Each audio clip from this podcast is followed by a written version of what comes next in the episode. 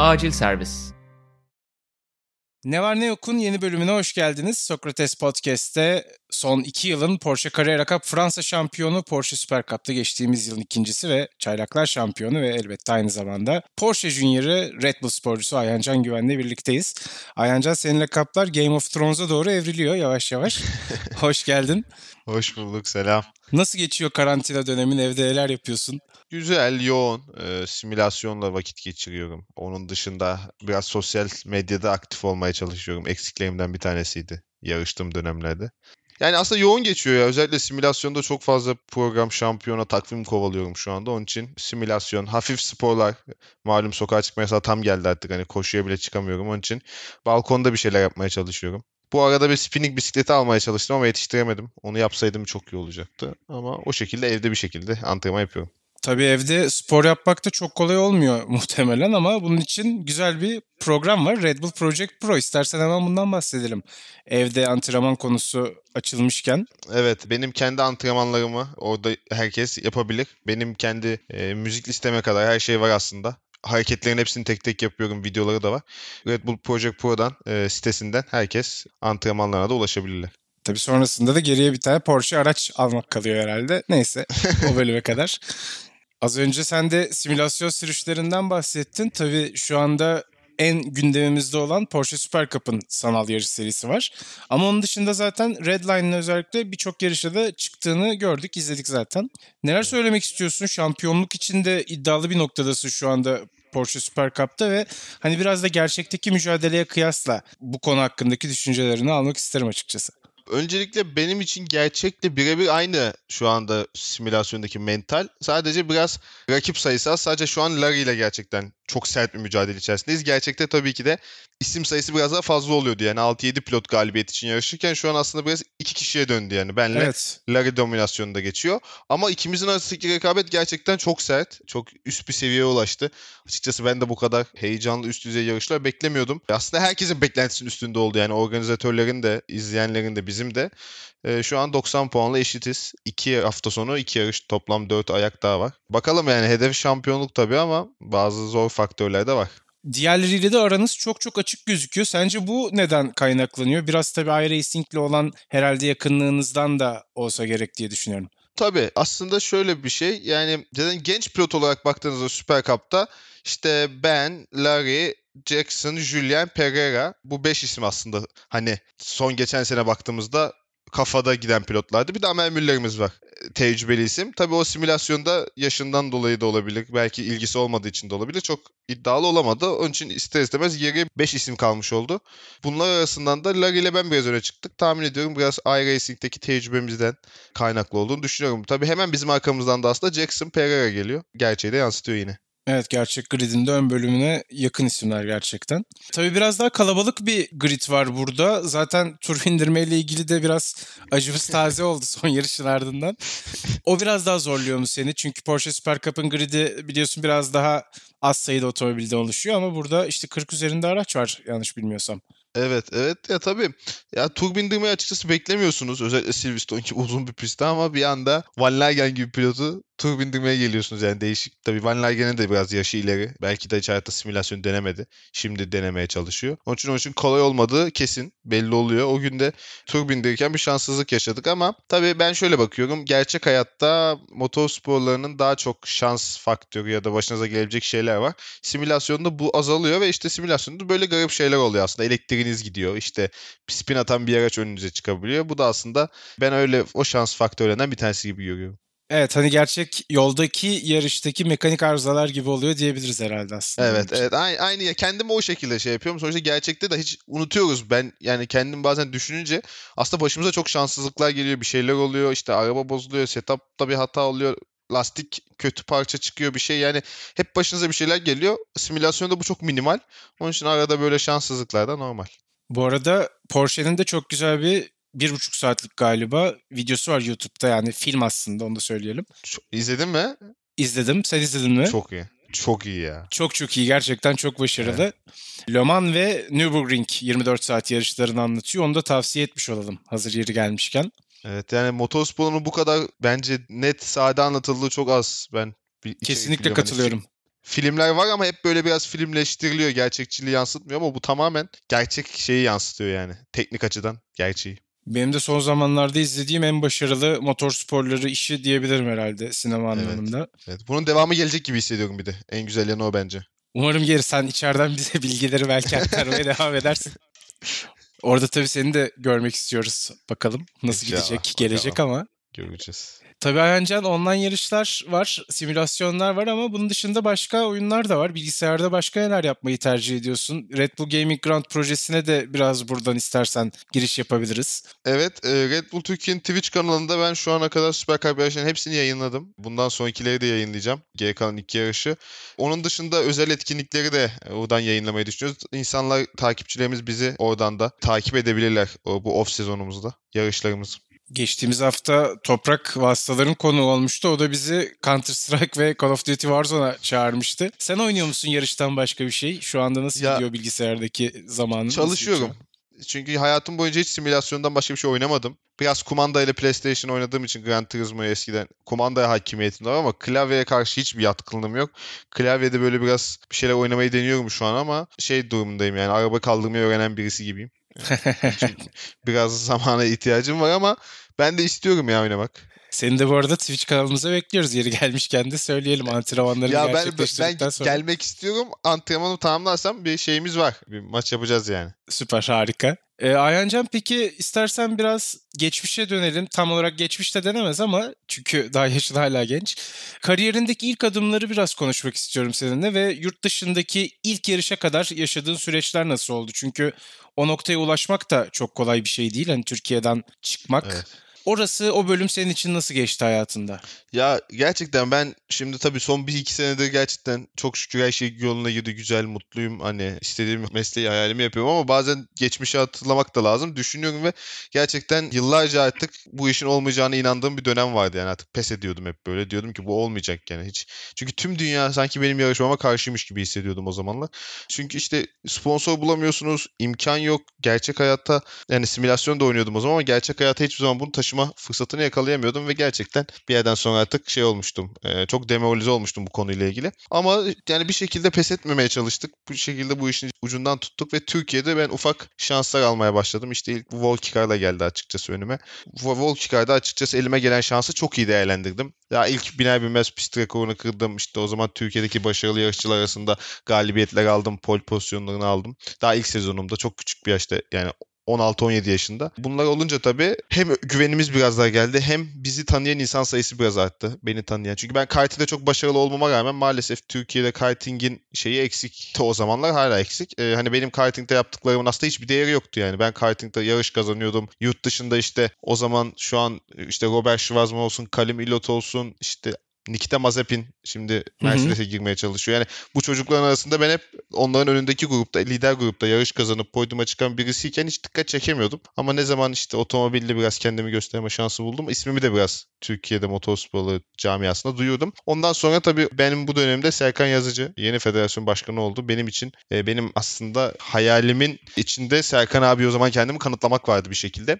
Ve aslında tamamen ona odaklanmıştım. Kendimi Serkan abiye kanıtlamaya çalışıyordum ve bu dönemde bir şampiyonlar şampiyonası düzenlediler ve burada kazanan pilotu yurt dışına gönderme taahhütü vardı. iki yarış. Ben de tabii tamamen ona odaklandım ve Şampiyonlar Şampiyonası'nı kazandım. O da aslında bana verilen şansı iyi değerlendirmiştim. Çünkü hiç bilmediğim bir araba, önden çeker bir araba. O güne kadar ben H vites araç hiç kullanmamışım. Hani hiç şeyim olmamasına rağmen o gün çıkıp orada yarışı kazanmıştım. Onu kazandıktan sonra yurt dışına gönderilme fırsatını elde ettim. Tabii işler yurt dışına açılınca çok değişti. Hem gittiğiniz rakiplere karşı maddi açıdan çok geridesiniz hem tecrübe açısından çok geridesiniz. Onlar test yapıyor siz yapamıyorsunuz. Yani aslında çok fazla eksiler vardı ama biraz fazla adanmışlıkla biraz bu işe fazla odaklanmayla bir şekilde süreçlerin üstesinden geldik. Çok da aslında çok kolay olmadı yani kendi içinde hep böyle zorlukları, olayları barındıran bir şey ama sonuçta sonuç olarak geçen seneki Porsche Junior seçmesiyle beraber aslında en büyük hayallerimden, hedeflerimden bir tanesine şu an içinde bulunduğum yaş grubunda ulaşmış oldum. Mesela yurt dışındaki rakiplerinle işte aranızdaki ilk seviye farkından şu an geldiğiniz noktada ki yani çoğunu geçiyorsun zaten. Bu dönemdeki duygu değişimin nasıl oldu ya da kendine güveninle ilgili hissiyatın nasıl oldu onu da merak ediyorum açıkçası. Yani ben şöyle söyleyeyim. Ben ilk yurt dışına açıldığımda yani Red Bull Ring gibi kısa bir pistte bir saniye, Spa gibi bir pistte iki saniye yavaştım. İlk daha hani ilk piste çıktığımda ki bu o zaman için herkesi çok etkilemişti benim ilk kez bindiğim arabalarla ilk kez ilk çıktığım seanslarda bu kadar büyük bir Spa gibi bir pistte işte 1.8 saniye yavaş kalıyor olmam 17 yaşında. O zaman herkes açıkçası Evet etkilemişti. çok iyi gerçekten. Ama ben kendi içimde şey olmuştum. Hani abi 1.8 saniye nasıl çıkartacağım yani? Bence bırakayım. Çünkü hani kendimce o an çok hızlı gidiyorum. Her şeyimi yapıyorum ve 1.8 saniye biraz demoralize olmuştum ama çevremdeki insanlar, yabancı insanlar bile açıkçası bundan çok etkilendi ve ben o 1.8 saniyeden yarım saniyeye belki de çok kısa bir sürede geldim. Yani işte 6 ay gibi. Yani 6 ay dediğimde 4 kere arabaya biniyorsunuz aslında. Çok da hani bir şey yok ama o süre içerisinde o farkı çok hızlı bir şekilde kapattım. Ve ondan sonra da işte kendimi biraz gösterebilmeye başladım. Yarışlarda ikili mücadelelerde kendimi kanıtladım. İşte defans, e, atak derken biraz kendimi öne çıkardım ve fırsatlarımı hep bir adım ileriye taşıyabildim. Ee, ama bahsettiğim gibi benim burada yani kariyerimin başında hep böyle tek kurşun gidiyorduk yani bir şansımız oluyordu onu deniyorduk ve onda gerçekten bir ışık bir adım atabildiğimiz için bir sonraki şansı elde ediyorduk. Hiçbir zaman benim bu seneye kadar yani 2019 senesine kadar hiçbir zaman bir 3 yarışlık bir garanti şeyim olmadı. Start alabileceğimin garantisi olmadı. Hep yarış yarış, tek yarış yarış. Hatta yapamadığım yarışlar da oldu. 2017 sezonunda sezonun ortasında 3-4 yarışı yapamadım. Ee, yani böyle durumlar vardı ama bunlar beni daha da motive etti. Daha da çok odaklandım. Hatam olmadığını daha net anladım. Çünkü bir hata yaptığınızda elinizdeki her şey gidebilirdi. Onun için mücadele ettik ve dediğim gibi biraz şey etkisiyle hem bana inanan insan sayısı arttı hem bana güvenen insan sayısı arttı. Ben de e, onlar bana güvendikçe daha fazlasını verdim ve olay artık bu noktaya kadar geldi. Peki sence bu durum baskı altında yarışmakla mücadele etmen konusunda sana yardımcı oluyor mu? Böyle tek şansların ayağına geliyor olması, bunları yapabildiğini görüyor olman. Açıkçası ben artık yavaş yavaş şunu hissetmeye başladım. Baskı altında daha iyi Evet. performans sergiliyorum. Ben bunu özellikle Süper Cup'ta gördüm. Çünkü Fransa şampiyonasına geri döndüğümüzde işte Lattore ile çok sert mücadele ediyorduk. Hani ya ben çok hızlı gidiyordum. O da çok hızlı gidiyordu ama Süper Cup'a gittiğimizde o benim kadar hızlı gidemiyordu. Yani bana göre ben iki şampiyonada da aynısını yapıyorum ama o baskı altında biraz da performans hata yapıyorlardı. Benim o şeyimin biraz daha güçlü olduğunu düşünüyorum ben açıkçası. Baskı altında ve işte mesela şu an beni en çok motive eden şeylerden bir tanesi dolu türbüne karşı yarışmak oldu. İşte Süper Cup'ta Formula 1'den dolayı tıklım tıklım türbünler var Avrupa'nın tüm pistlerinde.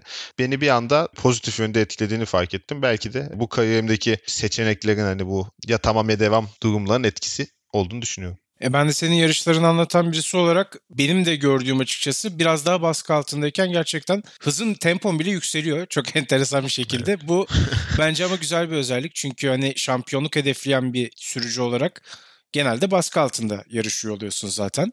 Ya bu iRacing'de bile aslında dikkatimi çekiyor. Bazen böyle biraz zayıf yarışlara denk geliyorum. Ee, iyi pilotların olmadığı ve kaza yapıyorum kendi kendime liderken. Çünkü şey olamıyorum yani hani konsantre olamıyorum ama baskı altında olduğum mu daha fokus oluyorum. Ben de hani bunu simülasyonda bile tecrübe ediyorum aslında. Bu durum sence geçtiğimiz yılki Silverstone galibiyetinde nasıl senin için yansıması oldu? Çünkü orada bir 5 saniye kadar fark yaratmıştın yanlış hatırlamıyorsam ve yarışın önemli bir Evet. kısmını o şekilde götürdün zaten. Sonrasında son turlarda biraz temponu düşürdün ama zaten çok anlaşılabilir bir şekilde, kontrollü şekilde düşürdün bu tempoyu.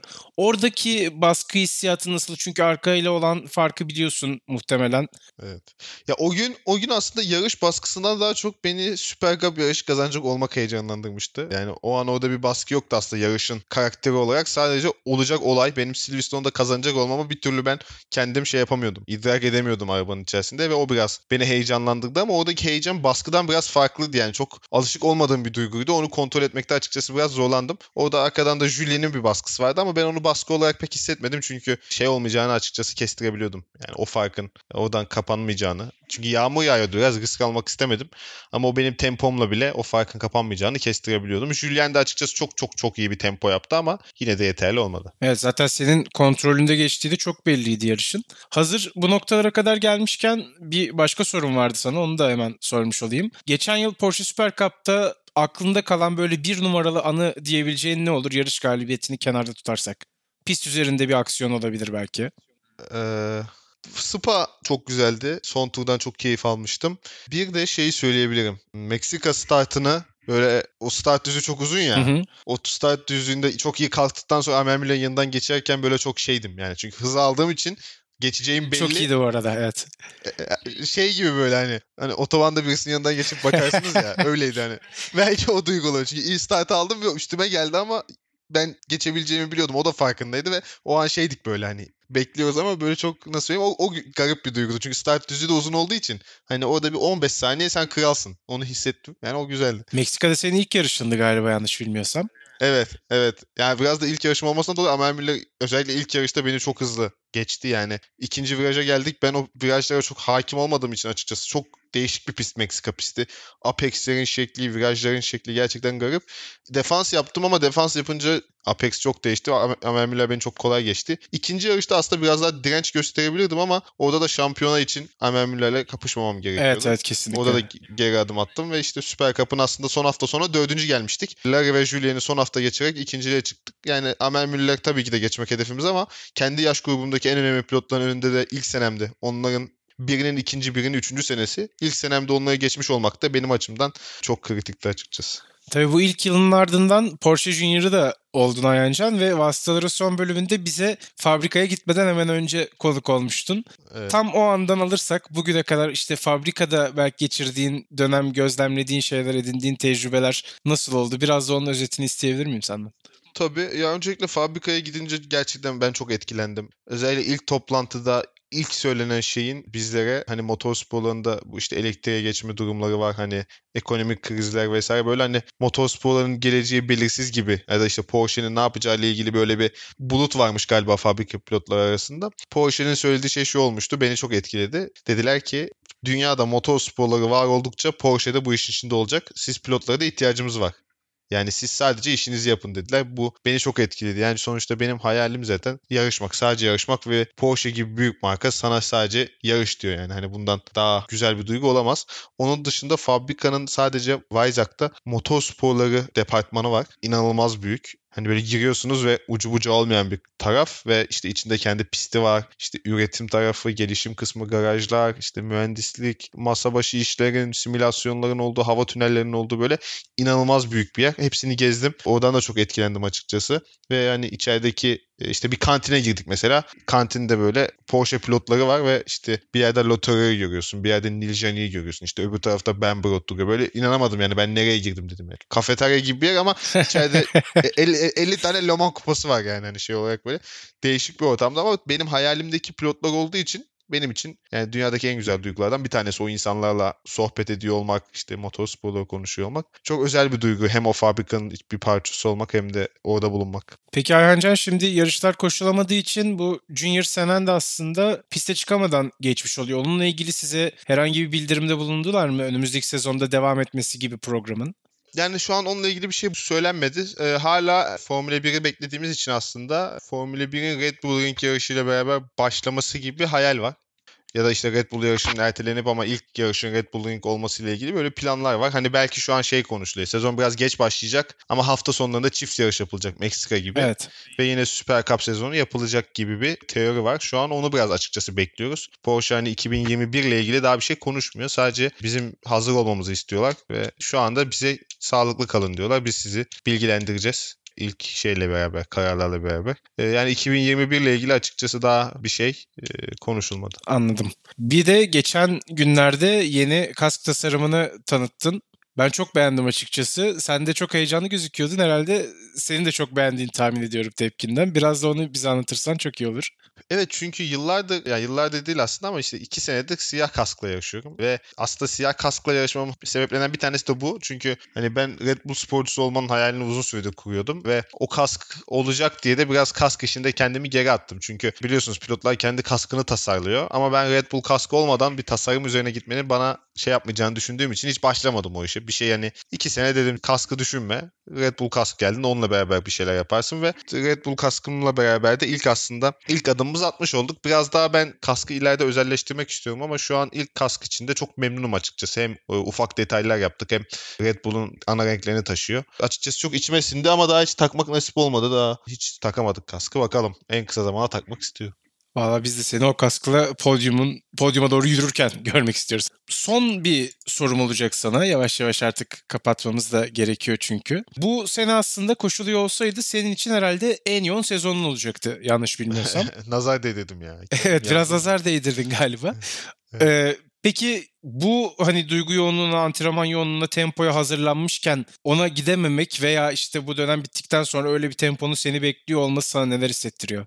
Ya açıkçası bir kere böyle bir dönemde bir yarış pilotu olarak özellikle Türkiye'de yıllardır işte ne yapacağım belirsiz bir pilot olarak dünyanın yarışmadığını biliyorsunuz ve döndüğünüzde fırsatın ne olduğunu, ne yapacağınızı, plan programına hazır olduğunu bilmek açıkçası çok güzel. Ee, yani onun için çok açıkçası şey olmadım yani böyle. Ya tabii ki de tam hızımı almıştım. Her şey adım adım ilerliyordu. Hani çıkmak için sabırsızlanıyordum ama yine çıkacağız o piste yani. Çok aksi bir şey olmazsa yine çıkılacak o piste ve en iyi şekilde açıkçası hazır kalmaya çalışıyorum. Tekrar o fırsat geldiğinde kaldığımız yerden de devam etmeye çalışıyorum. Sonuçta çünkü yıl kaybetme gibi bir şey olmuyor. Çünkü her sporcu için bu geçerli. Şu an her sporcu yarışamıyor. Onun için yani çok şey olmadım. Sadece bir an önce bitip tekrardan piste çıkıp e, en sevdiğim işi yapmak istiyorum. Peki çok teşekkür ediyorum Ayhancan. Ben teşekkür ediyorum. Ne var ne yokun sonuna geldik. Bir başka bölümde tekrar görüşmek dileğiyle. Hoşçakalın.